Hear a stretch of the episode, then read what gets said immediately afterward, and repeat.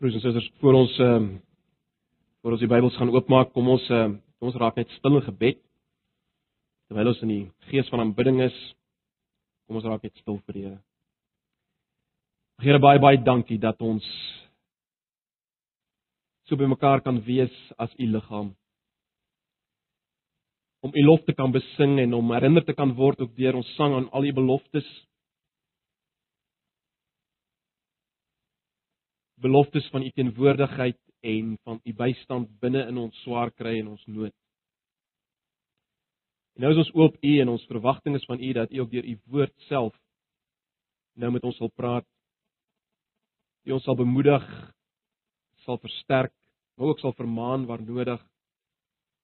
Dat u ons sal aanvuur om vir u te leef en vir u alleen. Asseblief, Here. Ons wil waarlik vir u sê ons verwagting is net van u in hierdie oggend.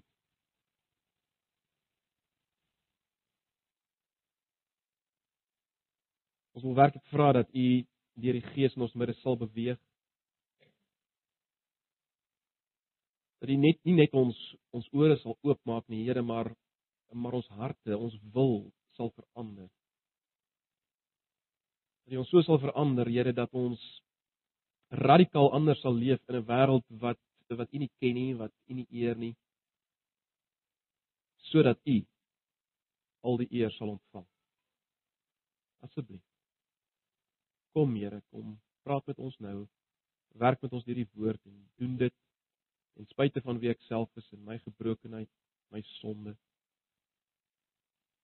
En doen dit op grond van wie U is en ons posisie in U uit genade.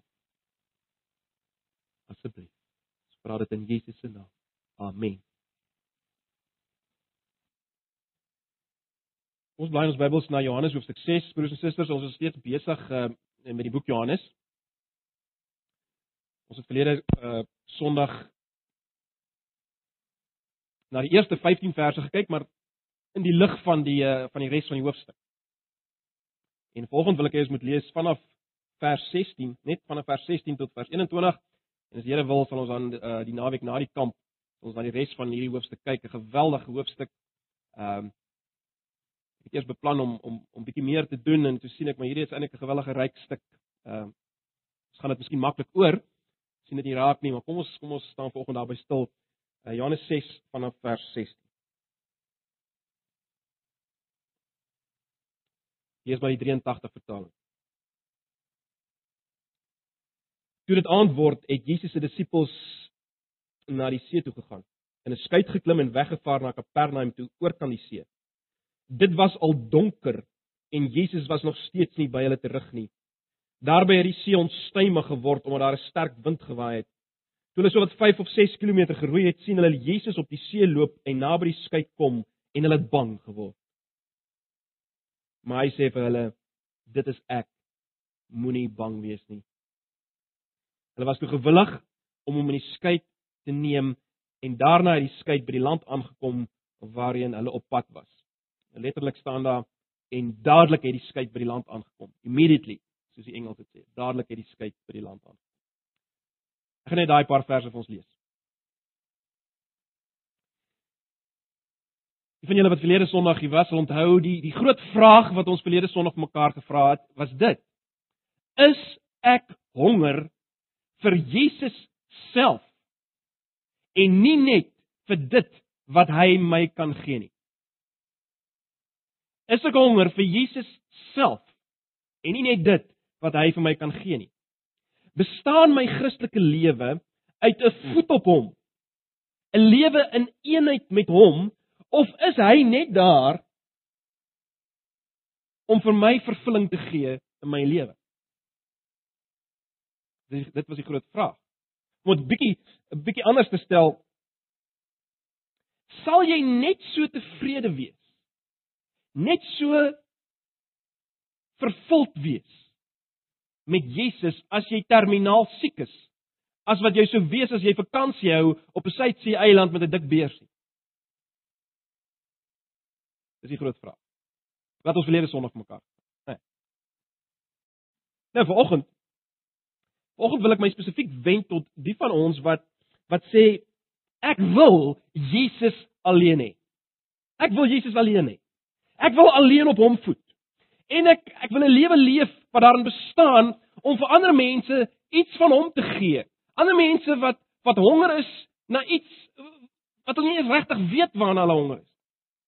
Ek wil Jesus so begeerlik aan hulle voorstel soos wat 'n warm stuk brood vir 'n straatkind op 'n winteroggend is. Dis dis waarvoor ek wil lewe. Ek wil my wend tot tot die sulkes onder ons volk. Met julle wil ons spesifiek vanoggend praat. En die vraag aan ons, aan hierdie groep. En ek hoop is almal van julle. Die vraag aan ons is dit. Wat kan ons verwag van hierdie Jesus? Ons het nou gesien verlede keer, ons moet nie net na hom toe kom uh vir wat hy vir ons kan gee nie, soos die skare wat hom wil koning maak vir al hulle uh al hulle doelwitte nie. Dit het ons gesien.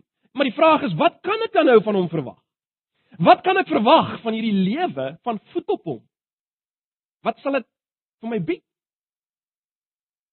Dis waarop ek wil hê ons moet vanoggend uh fokus.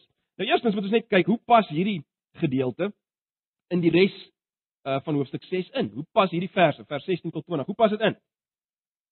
Julle sou al raak gesien het, ehm uh, dat in die eerste 15 verse het Jesus die brood vermeerder. En dan vanaf vers 22 verduidelik Jesus uh eintlik wat daar gebeur het, né? Nee. En en is baie tipies van Johannes Evangelie. Ons het nou al uh, dit genoem. Uh Jesus doen 'n wonder en dan verduidelik hy wat hierdie wonder beteken het. Hy verduidelik die dieper betekenis van hierdie wonder. En daarom word hierdie wonders eintlik tekens genoem, né? Nee, dit staan vir iets meer. Dit sê eintlik iets dieper. So dis die patroon wat ons heeltyd uh in Johannes kry. So in die eerste 15 verse van hierdie hoofstuk het Jesus fisiese brood vermeerder. En dan vanaf vers 22 of ekskuus ek het gesê die eerste 16, né, die eerste 15 verse. Die eerste 15 verse het Jesus die die brood fisies vermeerder. En dan vanaf vers 22 verduidelik hy dat dat daar eintlik iets meer is wat hulle moet sien. Hulle moet iets meer daarin raak. Hulle moet 'n dieper betekenis daarin sien. Dit was net 'n teken. En dan kom hy en hy sê eksplisiet in vers 35 wat dit eintlik is wat hulle moet sien, né? Nee, kyk gou na vers 35 van Johannes 6. sien julle dit? Vers 35. En toe sê Jesus, Kom ek lees maar die ekskuus ek was nou by die 53, kom ons gaan maar na die 83. Maar Jesus sê vir hulle: Ek is die brood wat lewe gee. Wie na my toe kom sal nooit weer honger kry nie en in wie my glo sal nooit weer dors kry nie. So dan vers 35 binne hierdie gedeelte van vers 22 sê hy eksplisiet. Dis wat jy moet raak sien. Jy moet raak sien ek is die brood wat lewe. En dan gaan hy nog verder. Jy sal onthou ons het daarna vinnig verwys vir hierdie keer in vers 56 en 57. Kyk miskien net vinnig na vers 56 en 57. Redelik verder aan. Kyk hoe ver gaan Jesus. Wie my liggaam eet en my bloed drink, bly in my en ek in hom. Vers ehm um, 57 sê hy soos die lewende Vader my gestuur het en ek deur hom lewe, so sal hy wat my eet ook deur my lewe. So dan maak hy eksplisiet. Hy is die brood. Hy moet geëet word, né? Nee. Maar goed, nou kom ons by hierdie gedeelte wat ons nou gelees het. Eindelik is dit twee wonders wat hier gebeur in hierdie gedeelte. Sal nou ons sal nou daarby kom, maar die vraag wat ons nou moet vra, waar pas dit in? Met ander woorde, waar pas vers 16 tot 20 in? Ons het nou gesien Die eerste 15 verse word verduidelik vanaf vers 22 verder, soos tipies in Johannes die geval is. Die vraag is waar word hier? Hier's dan ook 'n wonder. Hier's dan ook 'n hier's ook 'n wonder. Waar word dit verduidelik? Né? Nee, dit dis die tipe vraag wat ons moet vra as ons besig is met Johannes.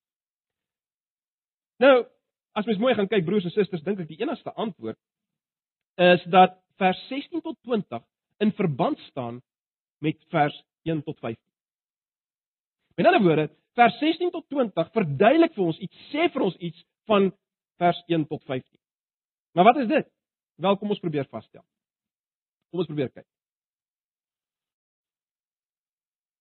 Julle sou gesien het dat in vers 15 het Jesus die die skare verlaat en hy het alleen na die berg toe gegaan. En dan het sien ons dat ehm in vers 16 verskuif die fokus nou na die disippels. Die fokus is nou op die disippels wat alleen in die boot is. Die disippels wat uh, na die oorkant vaar. In vers 11 van die gedeelte van vers 1 tot 15, uh het ons gesien dat die disippels het saam met deur Jesus brood uitgedeel, né? Nee. Hulle het brood vir die mense gegee. Hulle moes dit uitdeel. Nou ons het nou reeds mekaar gesê alles wat daar gebeur het was 'n teken, né? Nee. So daai uitdeel van die brood deur die disippels was verseker ook 'n teken. Dit het ook gestaan vir iets anders. En ons het nou al reeds gesien dat Jesus sê hy self is die brood. So al konklusie wat ons kan kom is dat dit wat as te ware daar afgebeeld is was niks anders as die die werk van die disippels, die taak van die disippels om Jesus, die lewende brood aan ander mee te deel nie. En ons weet na Pinksterdag is dit wat uh, hulle gedoen het. Dis waarmee hulle besig was, né? Nee. So dis wat daar afgebeeld. En die volgende vraag is wat kan die disippels as hulle besig is hiermee, wat kan hulle verwag? Nou kom ons terug by die vraag wat ons aan die begin gevra het, né? Nee. Dis hoe dit inpas. Wat kan hulle verwag? As hulle besig is om op hom te voed en hom as te ware te deel aan ander, wat wat hou dit vir hulle in? En daarmee saam kom die vraag natuurlik na ons toe. Wat hou dit vir ons in? Wat hou dit vir ons as gemeente in? Wat hou dit vir ons as individue in die gemeente in? En julle sal weet ek het al oor en oor gesê, ons moet altyd onthou, die disippels was die kerk in embrio vorm. Hulle sou die kerk vorm En daarom is dit uiters belangrik om te kyk na hulle en na wat met hulle gebeur het, want dit sê vir ons iets. En die Here wil vir ons daai iets deur sê. Met ander woorde, ons kan sê Jesus wil in die eerste plek vir die disippels wys wat hulle kan verwag as hulle op hom voet en ander op hom laat voet. En op 'n tweede vlak kom die Heilige Gees en en deur dit wat Johannes skrywe, wil hy vir ons sê, wat kan ons verwag? Wat kan ek en jy verwag op 'n volgende vlak? Wat kan ons verwag?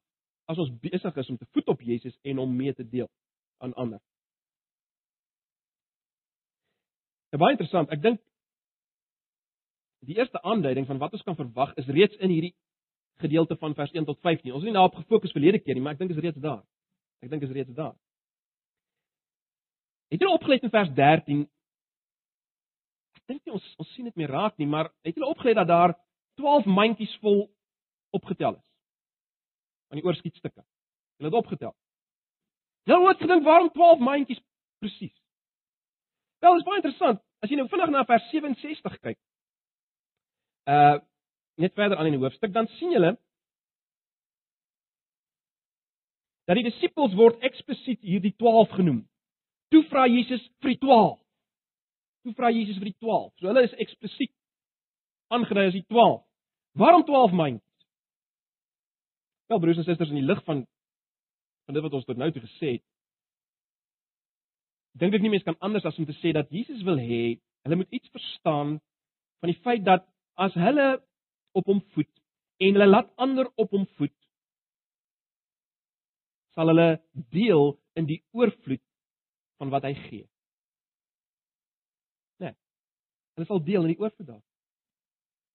Maar wat is die brood? Dis hy self. Hulle sal deel in die oorvloed van wie hy is. Hulle sal hom in oorvloed beleef. So die die fisiese teken was 'n afbeelding daarvan dat hulle die 12 hom in oorvloed sal beleef as hulle hiermee besig is. En nou is die volgende vraag baie belangrik. Waar sal hulle dit beleef en hoe sal hulle dit beleef?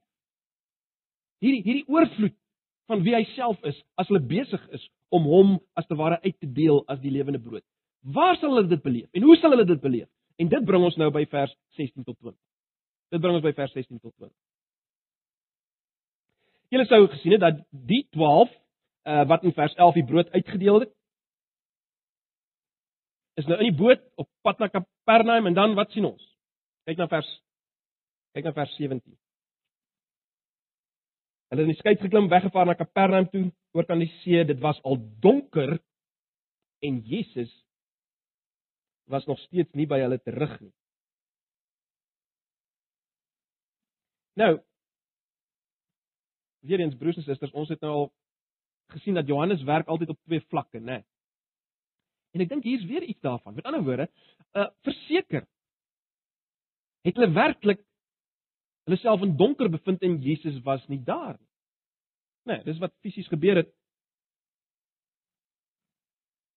op hierdie vlak. Maar as ons nou in gedagte hou hoe Johannes werk en hoe hy skryf en wat hy wil hê ons wil sien, dan weet ons dat in Johannes Evangelie staan donker en duisternis teenoor lig en dag. Nee. Dit is baie duidelik. Jy kan nie Johannes Evangelie lees sonder om dit raak te sien nie. Uh ons het reeds in die inleiding van Johannes gesien, in die eerste verse dat Jesus uh die lig is van die wêreld en dat hy kom na die duisternis, nê? Nee, daai daai teenstelling word baie duidelik gemaak reeds in Johannes se inleiding. Jesus wat die lig gestaan teenoor die duisternis van die wêreld. En daarom waar Jesus afwesig is, is dit donker. is dit duisternis, nê, nee, op hierdie dieper vlak, geestelik gesproke. Is dit duisternis as Jesus afwesig is? En dit word baie uh hoe kan ek dit stel? Dit word nogal uh op 'n wonderlike wyse uitgelig heel aan die einde van Johannes dramatiese wyse. Dis eintlik die woord wat ek soek. Uh dit word eintlik op dramatiese wyse uitgelig daar in Johannes 13 uh vers 20 as Judas Iskariot as hy uit die kring van die disippels weg van Jesus beweeg op pad om Jesus te gaan verraai, dan sê Johannes net een kort sinnetjie, hy sê en dit was nag. Dit was nag. Jy hoor wat ek bedoel. As hierdie dieper vlak waarmee Johannes werk. En ons moet dit raak sien.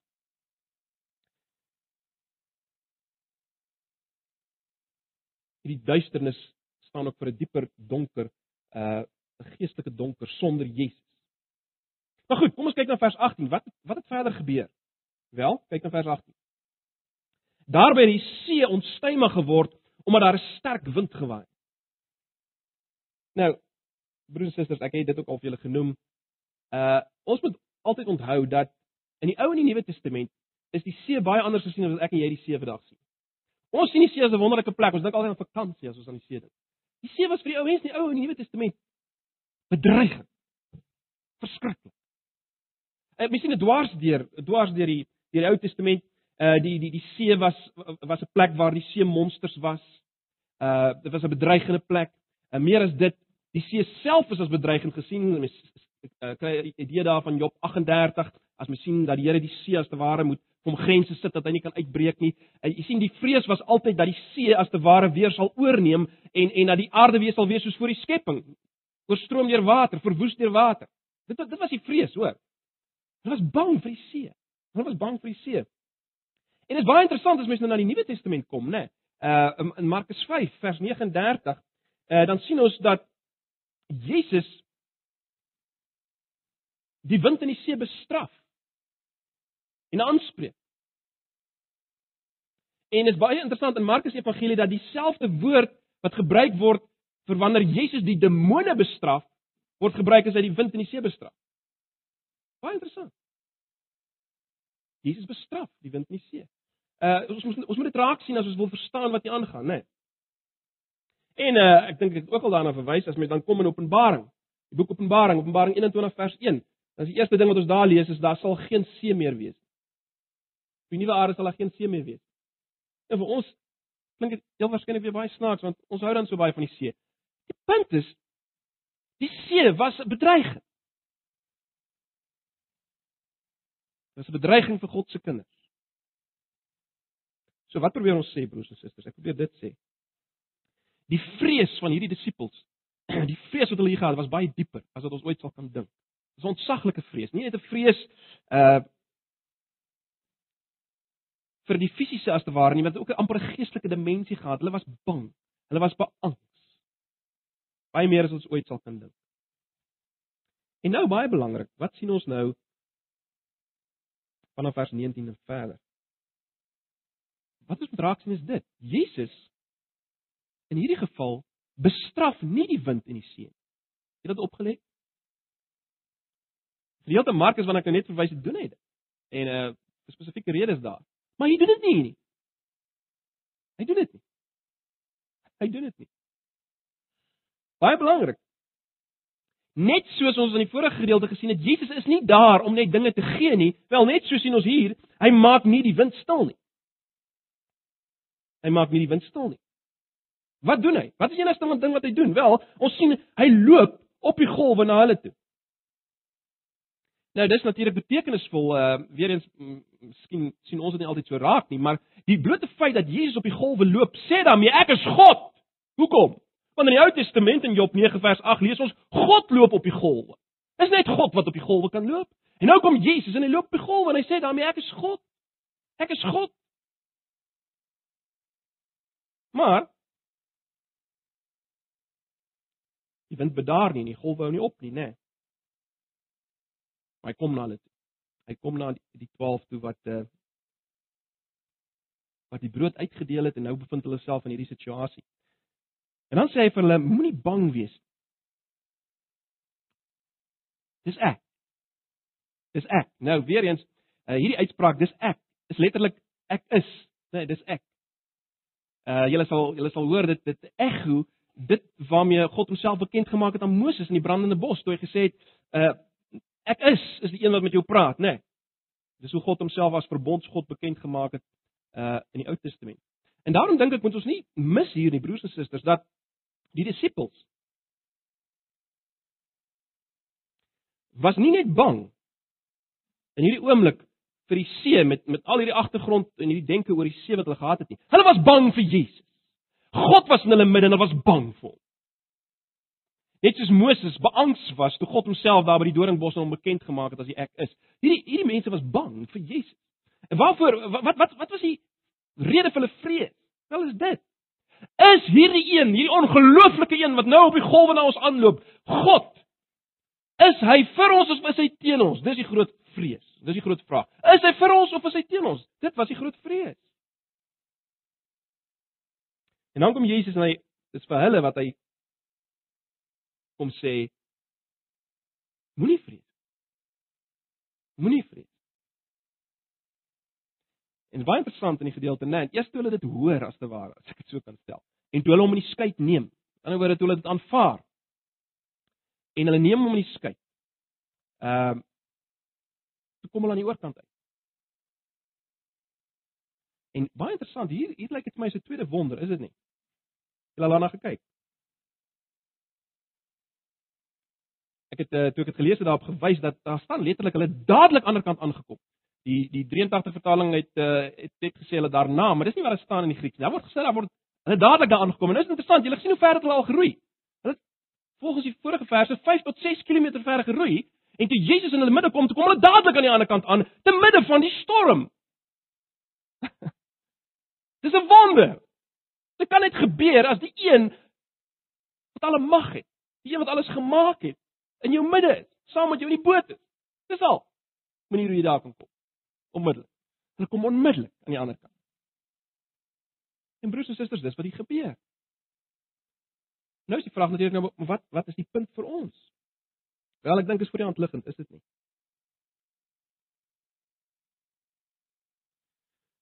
Broers en susters, as ek en jy na Jesus kom, nie vir dit wat hy vir ons kan gee nie, maar vir dit wat hy is en wie hy is. En ons begin voet op hom en ons begin 'n lewe leef wat hom as te ware aan ander bring, uitdeel. Wat kan ons verwag? Want die punt is en die punt wat Jesus hier wil maak, wat die Heilige Gees wil maak deur wat Johannes hier neerskryf is dit: ons sal in storms kom. Ons sal in storms kom. Ons sal in die wind en storm beland. In ander woorde, ons sal in situasies kom, in omstandighede fisies en geestelik. Wat dit lyk, Jesus het ons gelos. Ons is in die donker. Hy's nie daar nie. Hy gee nie om nie. Dit gaan so lyk. Dis wat die Here vir ons wil sê. Ons gaan in hierdie situasies beland. Wat dit lyk asof hy nie daar is nie, wat dit donker is. En baie belangrik, Jesus, die een wat die lewe is, gaan dit nie van ons wegneem nie. Hy gaan dit nie van ons wegneem. Dis dis belangrik om dit te sien. Die feit dat die disippels op hom gevoed het, die feit dat hulle aan ander hom uitgedeel het, het nie gemaak dat hulle nie in hierdie situasie beland het nie. Nee. Om dit anders te stel, broers en susters, as dit wat Jesus in die res van die gedeelte ook duidelik maak, naamlik dat ons dat ons een word met hom as ons op hom voed. As dit so is, hoe kan ons verwag dat dat ons lewens sonder storms moet wees as ek dit so wil stel. As ons kyk na Jesus, dan sien ons van begin tot die einde was hy in die in die wind en die storms, geestelik gesproke. Is dit nie so nie? Hy's aangeval deur die duiwel. Hy's versoek deur die Satan. Uh hy's deur mense verwerp. Hulle wou hom gedurig doodmaak. Sy eie mense het hom verlaat en uiteindelik, broers en susters, hang hy in die in die groot storm op Golgotha, né? Nee. Baie interessant, op daai dag breek daar ook 'n storm uit. 'n Geweldige storm en daar hang Jesus. En hy roep uit: "My God, my God, waarom het U my verlaat?" En dis hoe dit gelyk het. Waar was God? So, die punt is as ons een is met hom, kan ons dit verwag dat ons in die storms gaan beland. Waarop kan ons dan reken? As hy ons in die storms gaan beland, uh, laat beland, uh, as ons besig is met hom en en verander van hom vertel, wel, wat kan ons dan van hom verwag? Hy gaan ons te loop op die see. Hy gaan ons toe kom. Hy gaan ons na, na ons toe kom binne die storm, né? Nee, dis die hele punt hier. En dit is baie belangrik broers en susters dat ons oortuig daarvan sal wees en dat ons oortuig daarvan sal wees dat hy dit doen uit ontferming. Ons het nou reeds dit gesien, is dit nie? Ons het gesien by die vrou by die uh, in die gedeelte van die vrou by die put dat uit ontferming kom hy na daai vrou toe, daai alleen verworpe vrou. Hy kom na haar toe. En hy wil vir haar in daai geval die lewende water gee.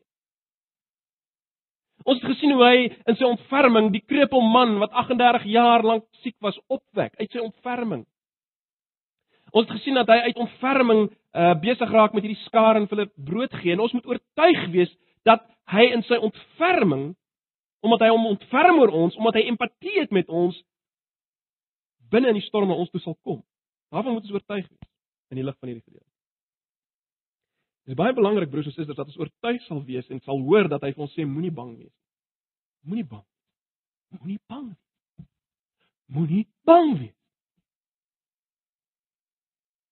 Moenie. Dit is baie belangrik broers en susters dat ons hom dan sal verwelkom in die boot. Saam met ons sal neem. Dit is uiters belangrik dat ons sal toelaat dat hy ons na die ander kant vat. Nee. Baie belangrik dat ons hom sal toelaat om in te klim, dat hy ons na die ander kant toe vat. Wat behoort hierdie gedeelte aan ons te doen? Wel, broers en susters, ek dink as ons dit glo, as ons dit glo, sal ons onverskrokke raak vir hom en saam met hom. Is dit nie? As ons dit werklik vat, is dit nie so nie? Hoe kan dit anders? Ons sien dis wat gebeur het met die disippels in Handelinge, né? Hulle het hierdie dinge ter harte geneem. Hulle het dit geleer hier en dis hoekom hulle dit uiteindelik toepas uh, as ons as ons Handelinge lees en verder lees in die Nuwe Testament. So, wat wat probeer ek sê? Broers en susters, kom ons vaar oor na die ander kant. Kom ons begin grense oorsteek en ek is so dankbaar oor dit wat Saterdag gebeur het uh toe 'n gewellige groot groep van ons in Pretoria Wes gaan gaan gaan 'n uitreik doen het. Wonderlik. Dis wat ons besig moet wees. Gaan dit moeilikheid bring? Ja. Kan ons in probleme kom? Ja. Verseker. En jy, wat ook al jou geval mag wees in jou eie geestelike lewe, wat ook al aan die ander kant uh, in jou lewe is wat jy moet oorgaan saam met Jesus in die boot. Verseker teenkanting. Versoeking, aanslag, fisies, geestelik, donker, duisternis. Jy kan dit verwag. Moenie, en ons het al baie keer van jou af gesê, moenie die snert glo wat verkondig word dat uh, as jy Jesus volg, loop dinge vir jou goed en uh, uh, werk dit reg uit nie en gaan dit goed met jou nie. Dis dit is totaal nie die evangelie nie. Dis totaal nie Bybels. Hoor en oor, wys Jesus die teenoorgestel. Maar Wat is die belofte? Wat sien ons hier? Hy gaan saam met ons daardeur. En wie is hy? Hy is die een wat verstaan. Hy het mens geword. Uh, ek het net gesê hy hy, hy was op Golgotha in 'n situasie van pyn en swaar kry en God verlaatendheid. Hy verstaan dit. Uh, ons God, broers en susters, onthou, uh, ons het nou net gesien as hy dit wat hy doen hier in die storm openbaar homself as uh, uh, daarin openbaar homself as God. Hy's God. Ons het ons het reeds uh, baie daaroor gepraat. Ons God, broers en susters, is 'n gewonde God. Hy ken smart. Hy ken pyn. Hy's nie 'n God wat ver af sit en niks geen saak het met wat hier gebeur nie. In Jesus, God die Seun, het hy mens geword met beleef. Hy's die een wat jy wil hê in die storm saam met jou. Hy verstaan. Hy ken. En daarom die kruis, aan die kruis het hy nie net alleen vir ons ontsaglike, eenmalige, perfekte verlossing verwerf toe hy ons uh, gered het van die oordeel van God oor sonde nie. Hy wys nie net aan die kruis vir ons ontsaglike liefde nie, aan die kruis broer en suster sien ons ook dat hy verstaan waarin ons onsself bevind. Baie beter as wat ons sal kan dink. En dis die een wat saam met ons is. Dis die een wat saam met ons is. Kom ek stel dit nog sterker. Ek en jy sal nooit iets hiervan beleef van die heerlikheid van 'n Jesus wat God is, wat saam met ons as te ware in die skei klim as ons nie in die storms kom nie en dis hoekom hy ons in die storms laat kom. En dit nie laat ophou nie. En dit nie wegneem nie. Hy wil hê ons moet iets ontdek van van hom saam met ons in die skei broers en susters. Hierdie een Ag, as Johannes aan die begin sê ons het sy heerlikheid aanskou. En ons ontvang genade op genade, dan dan sluit dit ook hierdie dinge in wat hulle hier beleef het. En dis wat ons sal beleef. Dis wat ons sal beleef as uh as ons in die storms van die lewe kom en, en Jesus is saam met ons daar geestelik, fisies, wat dit ook al mag wees. En dis die groot opdrag uh, uh, of die belofte in die groot opdrag, is dit nie Matteus 28, onthou julle? Gaan dan na al die nasies, maak die mense my disippels, met ander woorde deel my uit.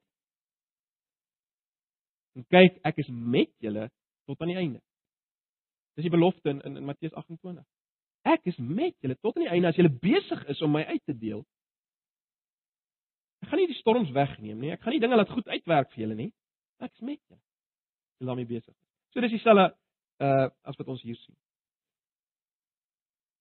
Nou net 'n laaste opmerking broers en susters. Miskien sit jy met die vraag, maar hoe beleef 'n mens dit in praktyk? Uh hoe beleef ek in praktyk dat Jesus in die storm by my is? Ek meen, ehm uh, ons is nie in 'n fisiese boot nie. Ons is nie op pad oor kant toe na Kapernaum toe nie. En en Jesus gaan nie op die water, fisiese water na ons aangeloop kom nie. Nou, hoe gaan ons dit beleef? Hoe beleef 'n mens dit dat hy vir jou sê moenie bang wees nie? En hoe beleef jy dit dat hy jou ander kant bring? Ons is mos nie in daai selfde situasie nie. Ons is nie. Maar broers en susters, ons is op 'n ander vlak.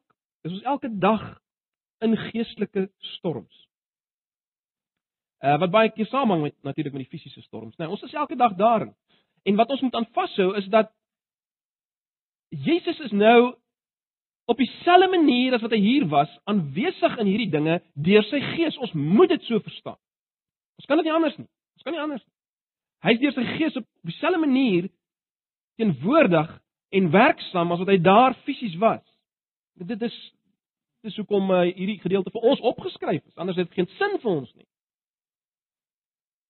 En ek wil net 'n enkele dinge noem oor oor hoe ons miskien iets meer daarvan kan beleef. Dit is baie belangrik in die eerste plek broers en susters dat ons as ons na die Here kom in gebed. En as die Here wil sal ek miskien by die kamp iets meer daaroor sê. Uh as ons uh in ons ons bymekaar kom uh, as ons gaan saam bid en so voort. Maar dit is baie belangrik dat ons in die eerste plek as ons na die Here kom, dat ons vir hom sal sê waar ons is. In ander woorde, uh, sê vir hom dat jy jouself bevind in die, in 'n storm. Wees eerlik met hom. Sê vir hom jy voel hy's nie daar nie. Sê dit vir hom. Wees eerlik met die Here. Wees baie eerlik met hom. Skryf dit neer voor die Here. Sê vir hom waar is jy? En in 'n in 'n in 'n tweede plek raak dan begin bewus raak, begin raak sien waar hy wel vir jou sê moenie vrees nie. Waar hy dit reeds vir jou gesê het in daai dag of in die week, raak bewus daarvan. Vra hom om jou dit te wys en skryf dit neer en sien hoe in jou moeilike omstandighede daar is sonder dat jy dalk selfs bewus was daarvan. Hy's daar. Hy's nie weg nie. Hy's saam met jou. Raak bewus daarvan. Uh skryf dit. Skryf dit op papier, dis baie belangrik.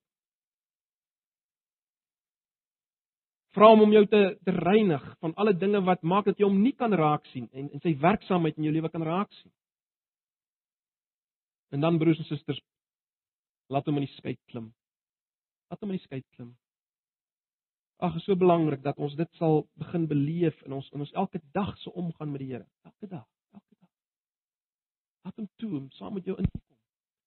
Om jou oor te vat na die ander kant. Wat dit ook al mag wees, wat wat jou situasie ook al mag wees, maak nie saak nie. Ag, broers en susters. Die belofte van die Here as hy as mens verder gaan in Johannes 16, dan sien ons dit wat ons nou gesê het word word net weer bevestig. Uh, ons is nie op ons is nie bedwaalspoor nie. Miskien kan jy net kyk daarna. Johannes 16. Johannes 16. Vers 33. In die konteks daar is weer Jesus praat oor die teenkanting wat hulle kan verwag ensovoorts. En dan sê hy in vers 33 Dit sê ek vir julle sodat julle vrede kan vind in my. In die wêreld sal julle dit moeilik hê, maar hou moed, ek het die wêreld klaar oorwin. Die 53 vertaling sê in die wêreld sal julle verdrukking hê, maar hou goeie moed, ek het die wêreld oorwin. Dis 'n belofte. sien julle die belofte? Die belofte is in die wêreld sal julle verdrukking hê. Maar 'n goeie moed ek in die wêreld oorwin en ek wil jy sê julle moet vrede hê. Julle moet vrede beleef. Uh in my in hierdie situasies. Ag, my gebed is broers en susters dat ons dit elkeen sal beleef geestelik elke dag. Uh die realiteit hiervan. Dis die Christelike lewe. Dis wat ons moet raak sien. Dis wat ons kan verwag. Wat kan ons verwag? Dit. Wat kan ons verwag van Jesus? En dis waarop ons kan reken. Ehm um, baie ander dinge of uh, wat baie ander dinge betref kan ons baie onseker wees. Maar hiervan kan ons seker wees. Doodseker. Het die wêreld oorwin. Hy is by ons. Hy is in beheer. Hy is die een wat weet wat hy doen. En hy doen dit te midde van ons omstandighede, ons storms, ons situasies. Weet jy dit al? Leef jy dit al? Jou eie lewe? Dis 'n groot vraag. So belangrik dat ons hierdie dinge sal nie net in ons met ons koppe sal weet nie, maar dit sal begin beleef. Is dit nie so nie? waar ek sal begin beleef. Dit waar. Kom ons bid saam.